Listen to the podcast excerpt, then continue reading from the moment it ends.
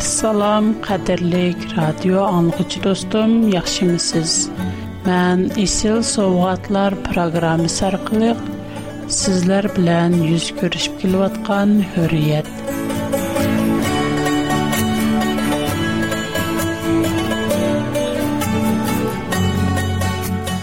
Teningizlərə salamatlik diləyirəm. Dostum, navada siz proqramımızı anlığan bolsanız, do'stingiz, urug' va tanishlaringizni programmamizni birga anglashga taklif qilishingizni umid qilaman. Bugun qadrli do'stlarimga sunmoqchi bo'lgan suhbat temam inson tabiati. Biz oldingi qatimqi programmalarimizda inson tabiatining gunohkor ekanligini hatto payg'ambarlarningmi gunoh o'tkazganligini qisqacha so'zlab o'tgan edik va qur'oni karimdan faqat bir necha oyatnila ko'rib o'tgan shunga bugun bu haqda tafsili to'xtalib o'tmoqchiman xudo aslida odamni pok sop yaratgan xudo iranbog'da odam uchun bir baxtlik makon tayyorlagan Бу маккандагы һеч кандай бер нәрсә адамның Худога ибадат кылышыны өзгә мәхлия кыла алмайды. Әмма күлләрнең биредә адам атымыз ишкә мәнъи кылынган мивни яп Рәбнең әмергә итаәсезлек кылган. Шуның белән у һәммә нәрсәдән барлыгыдан мәхрум кылган. Адам ozdirishga uchrab gunohga yiqilib tushgan biz inson bolasi uning ojizligiga varislik qildik irshiyat qonunlari bo'yicha biz uning gunohiga bo'lgan moyilligi bilan tug'ildik biroq bizda umid bor chunki odam otamizning gunohi bizga mansub emas biz uning gunohi uchun jazoga tortilmaymiz Әмма Худаның Адам атымызның қылған шу гунахидин наразы икәнлегене билеп турып, bizmi o'xshashla itoatsizlik qilsaq, o'zimizning gunohi uchun jazolanamiz. Xudo o'zi yaratgan pok odamatimiz Xudoning buyrug'iga xiloflik qilib, төм тишкән ярдә, аның авлодлары булган безләр, аның да мо кунаққа майылмыз. Инсанларның һәммәсе кунақ сәдрә кылып, Худаның улгылык риетәлмәй, һәммәдән мәхрүм булган. Бу һәммәбезгә аян. Безнең кечүрмишләребез, тормышларыбыз безгә шуны испатлап бөрә дики, Адамның Құран кәрім 12-ші сөрә Юсуф 53-ші айет Нәпси деген нәрсә хақиқатан яман ішларға көп буйруйды деген айеттін инақ кіру алалаймыз. Әгер яратқычымыз болған Худаның ай бүріш тәсірі болмаса, өзіміздің нәпсіні қына әтләндірдіған ел тапсақла, шу алдымаңымыз. gunoh va razillik man'i qilinganligini bilib turib vijdonimizga xiloflik qilib buzuq tabiatimizga bo'ysunib man'i qilingan ishlarni qilaveramiz agar ingichka kuzatadigan bo'lsak zaboy o'z xumorining salomatligiga terikchiligiga oiladikilarga va e'tiqodiga qandoq ziyon yetkazadiganligini bilsinmi Яныла ғара қүші вірдіғалықыны байқаймыз. Оның үшілігі контроль қылғылы болмайдыған күч, үші әзіл үшінен қылышқа әйттірген. Сына құр, оғыр қымауаз, түхімәт құр, әсәт құр, алдамшы терік кәкдік мұ, әне үші, забойның, мисалы қоқшашы. Yana bizning turmushimiz bizga ichimizda g'ayri yomon hissiyot va moyillikning mavjudligini ko'rsatib turdi. Mana bularning hammasi inson tabiatining chiriklashish natijasidir. Razillik vijdonimiz bilan kurash qilib, yaxshi niyatimizga qarishlik ko'rsatadi. Agar sagak turib, o'z калбемезне Худога атмасак, өзмизнең яраткычыбыз булган Худоның ирадысга хилафлык эшләрне килеп, разил арзу-хәвәстләргә әсир булып калмыйбыз. Без hiç качан кусри, әйеп юк одамны учыртып бакмаган. Әйсадан башка hiç кانداк бер инсан өзені мутлак пак, гынаһсез дип әйтелмәй Bayidab ötkinimizdek Kur'an-ı Kerim 12. sure Yusuf 53. ayetteki Nəfsi digən nərsə həqiqətən yaman işlərə köp buyuruydu. Digən ayət hər bir adamın çirikləşib ketkənliyini göstərib durdu. Əməli turmuşumuzdan alsaqmı, bizning jinimiz özimizni yaman işlərə buyuruydu.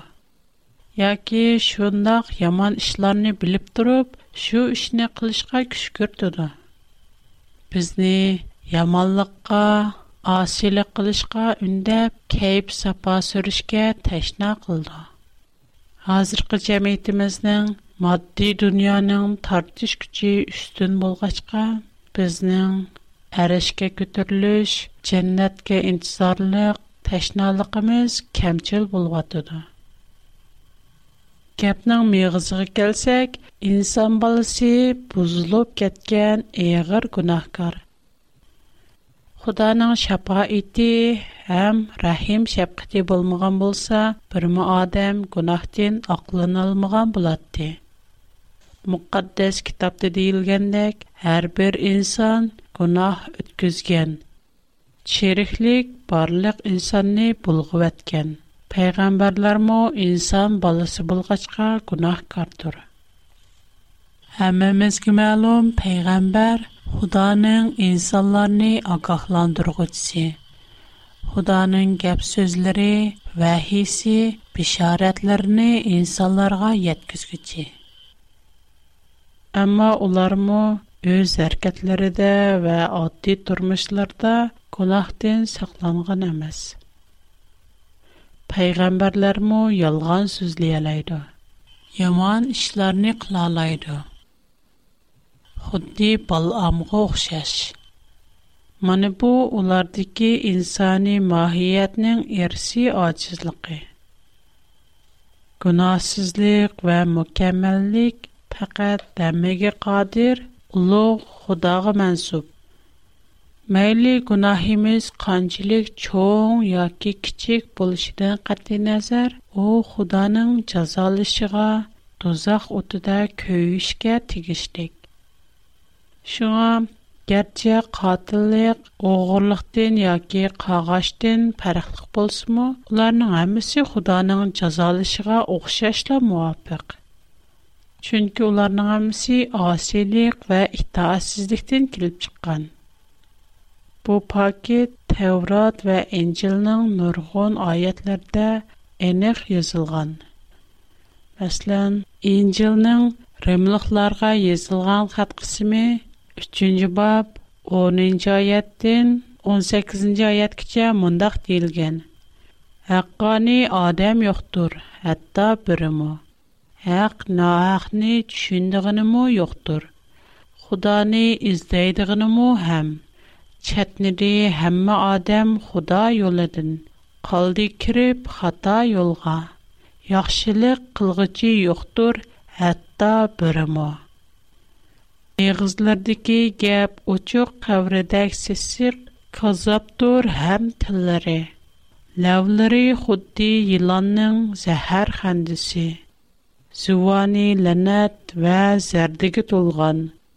Улар хан төкүшкө кылыдуу барганлы жерде вайрачтык ва фажиялык иштар не. жоктур хавры аманлык жолдон кылчы. билмейду кудадан муу коркушну. адамдарнын хаммсы жолдон чэтниди. эрзимэс булып чыкты. мехриболлук кылгыч жоктур, хатта бирими. Адамларның һәммәсе гунах садыр кылып, Худоның улуглыгыга йетәлмәй, униң дин мәхрум булды.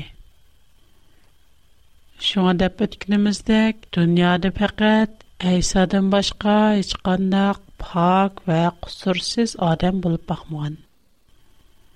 Шүкри чин калбымыздан шүкри mukaddes Rab'ga şükri çünkü Eysani taqdim qildi bizga and the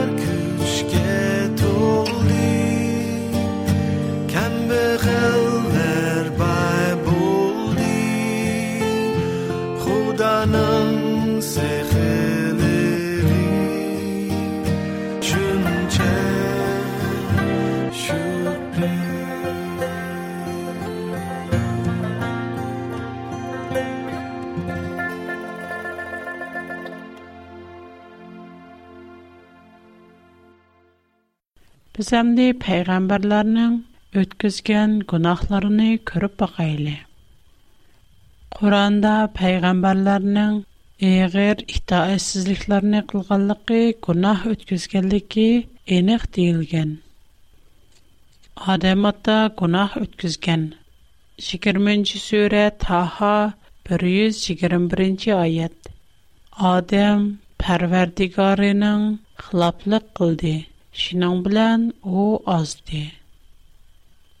Бу аят Адам атының чәкләнгән дарахның мөйесен яп, игесегә асилә кылганлыгын чөндерде. 2 35-нче аят. Бу дарахкә якынлашмаңнар. Булмаса зулым кылгычлардан булып калыслар. Яна 20-нче сүре Таха 120 аятта Анден пәрвердігари уни талдыды, униң тавбусыни қобул қылды, ва уни хидаят қылды, дейлген. Адаматымыз кунах қылған неген төві қылған. Чунки, улар, пәрвердігарымыз, біз өзімізге өзіміз зулум қылдыг. Әгер сен бізге мағпырат қылмысан, біз чоқым зиян тарқучыларден боламыз, диди. 7-нче сүре Айраф 23-нче аят. Демәк, безнең әң дәслепки адам атымыз эгер гунах кылган. Итаәсезлек мо эгер гунах. Нох 71-нче сүре Но 24-нчедән 28-нче аяткәчә мондак Маңа ата-анамга Менің өйімге мөмін болып кірген кішіге вә мөмін әрлерге, мөмін аялларға мәғбірат қылғын. Демек, но, еғір бір күнақ қылған. Болмыса, оның мәғбірат тілішінің ғажеті йоқ. Чүнкі, мәғбіратіләш күнақ өткізгеннен кейін болдыған бір іш.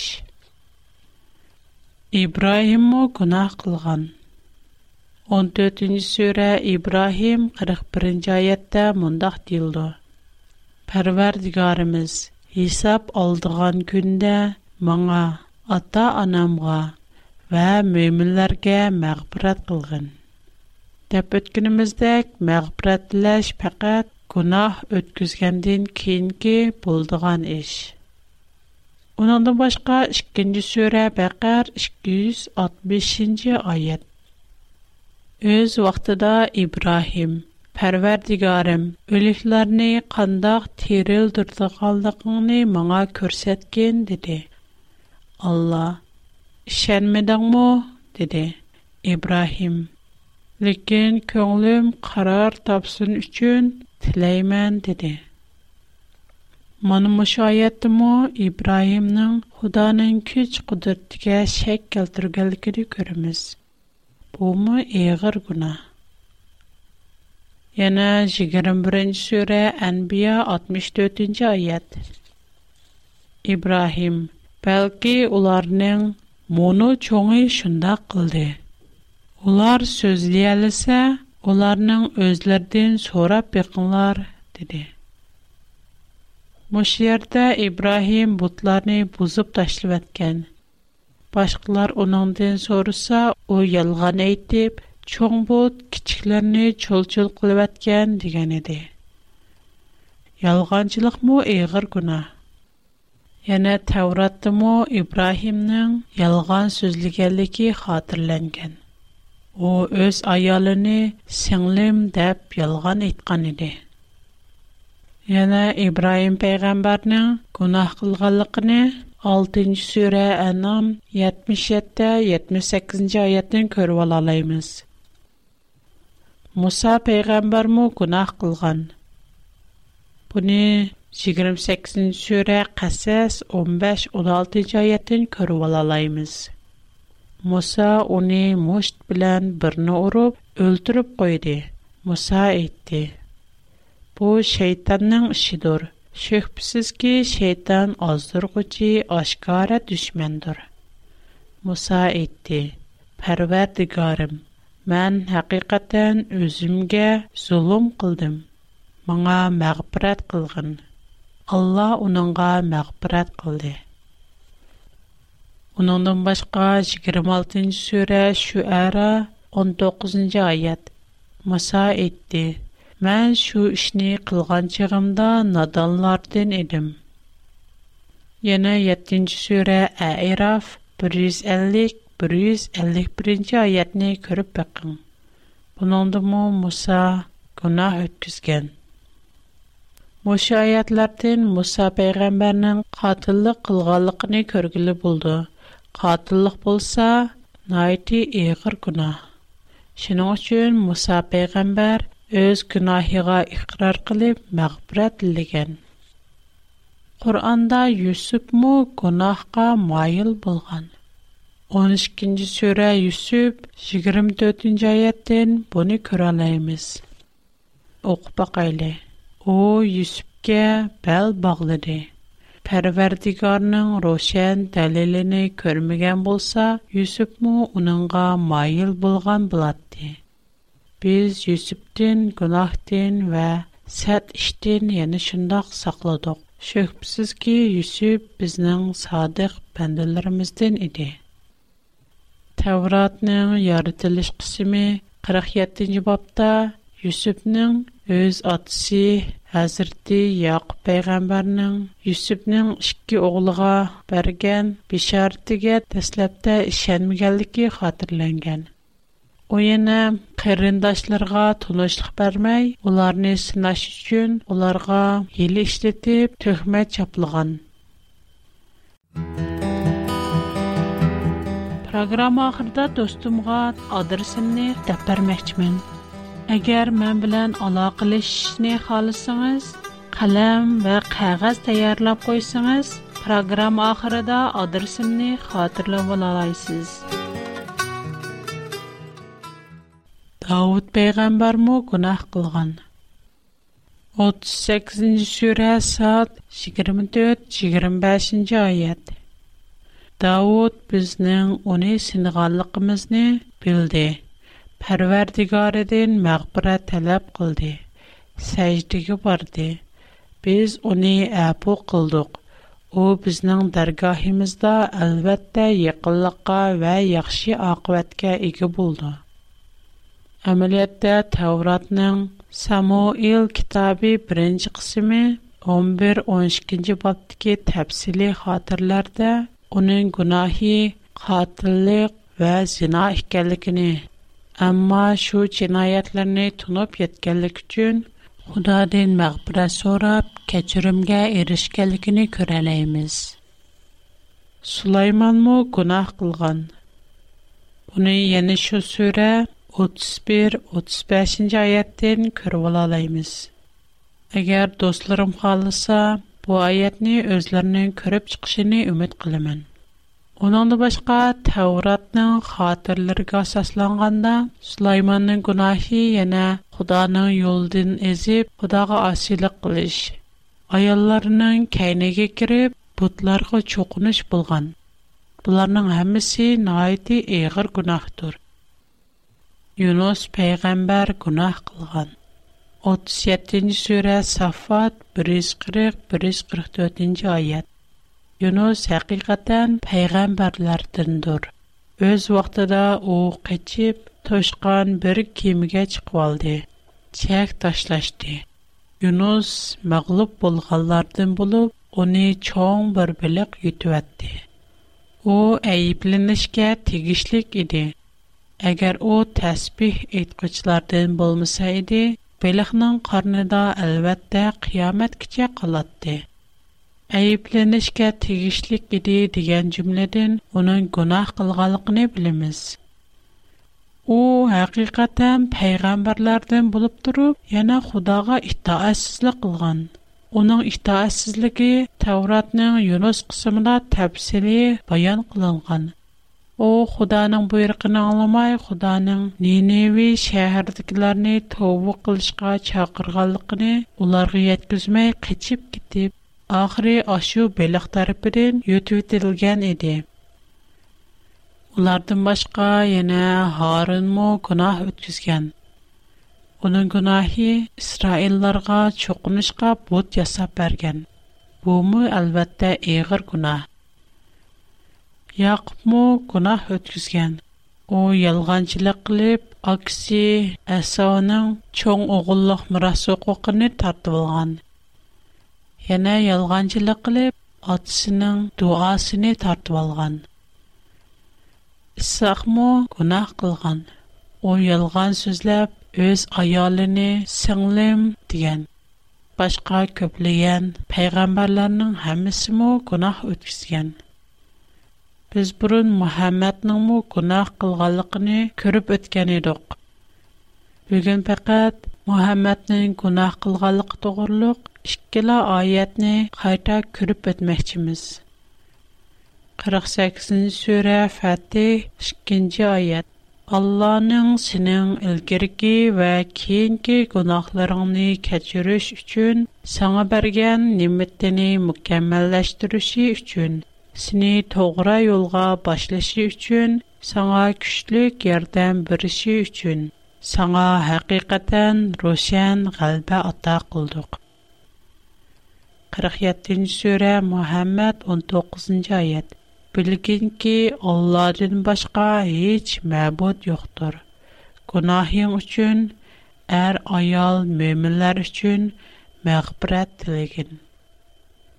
Günahın üçün, er ayol möminlər üçün məğfirət diligin deyən bu sözdən Muhammednin mu günah ötküzgənliyi çıxıb durdu. Əgər o günah ötküzməyən bolsa, Xuda nədimi günah emas işini günah deyib onu günahığa tövbə qilishqa buyurdu. Yana məşinin oxşaş ayətlərdən 40-cı surə Ğafir 1 55-ci ayət 4-cü surə Nisa 105-106-cı ayət 17-ci surə Bəni İsrail 74-cü ayətlərmə oxşar məzmunda.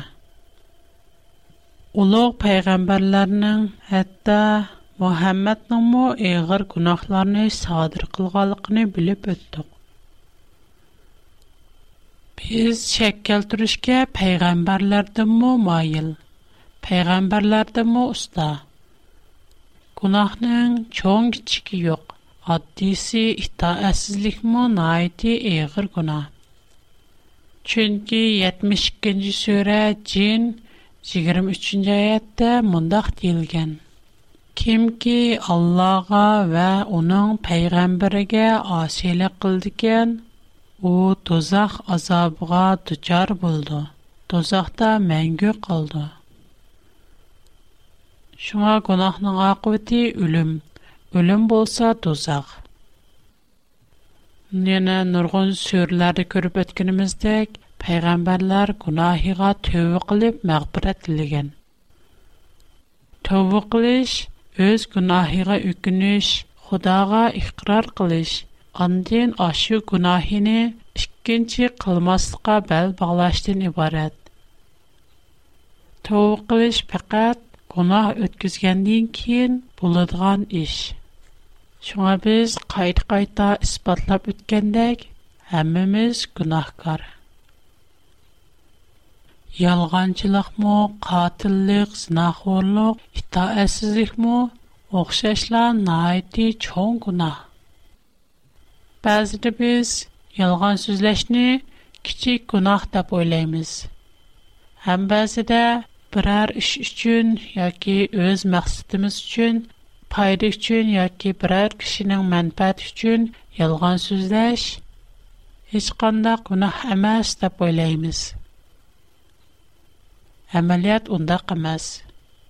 İncilning bisharatlar, ya'ni vahiylar qismi 21-bob 8-ci ayətdə onun aqibəti doğruluq mündəq deyilgən.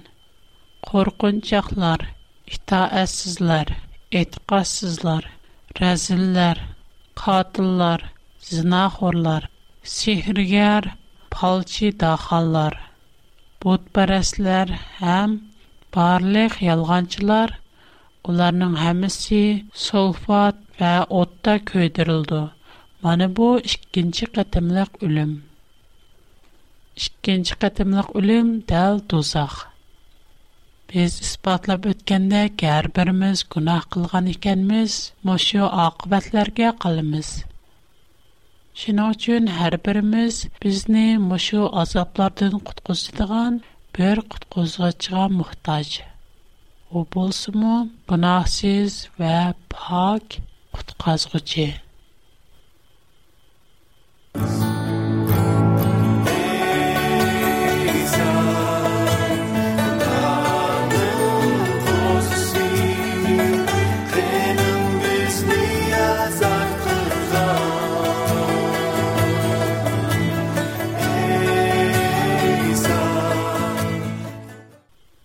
Qadirlik dostum, yuqarıda biz insan balasının, hatta peyğəmbərlərinin mu günahkar ikənligini sözləb ötdüm. Hazır siz özünüz doğruluq qandaq oylaysız? Özünüzni yana günahsız deb oylamsız yoki günah ötküzgenlikingizni e'tirof qilamsiz? Qadirlik dostum, kelar qatim sizning programmamizni yana ziyorat qilib kelishingizni orzu qilaman. Sizning xatingizni topshirib olish mening xo'shalligim. Əgər mənə xət yazışni xalısınız, mənim tor adresim hurriyet@bigfoot.com mundaq yazıldı. H U R I Y E T çəmbər içində E B I G F O O T чикит c o m мана бу менен тур адресим менен a w r p o box 310 менен хазыча хат адресим Чангаң Юджин Зунчи Шишан 310-нчы номер. Хош, Худага аманат. Кайт көрүшкүчө аман болоң.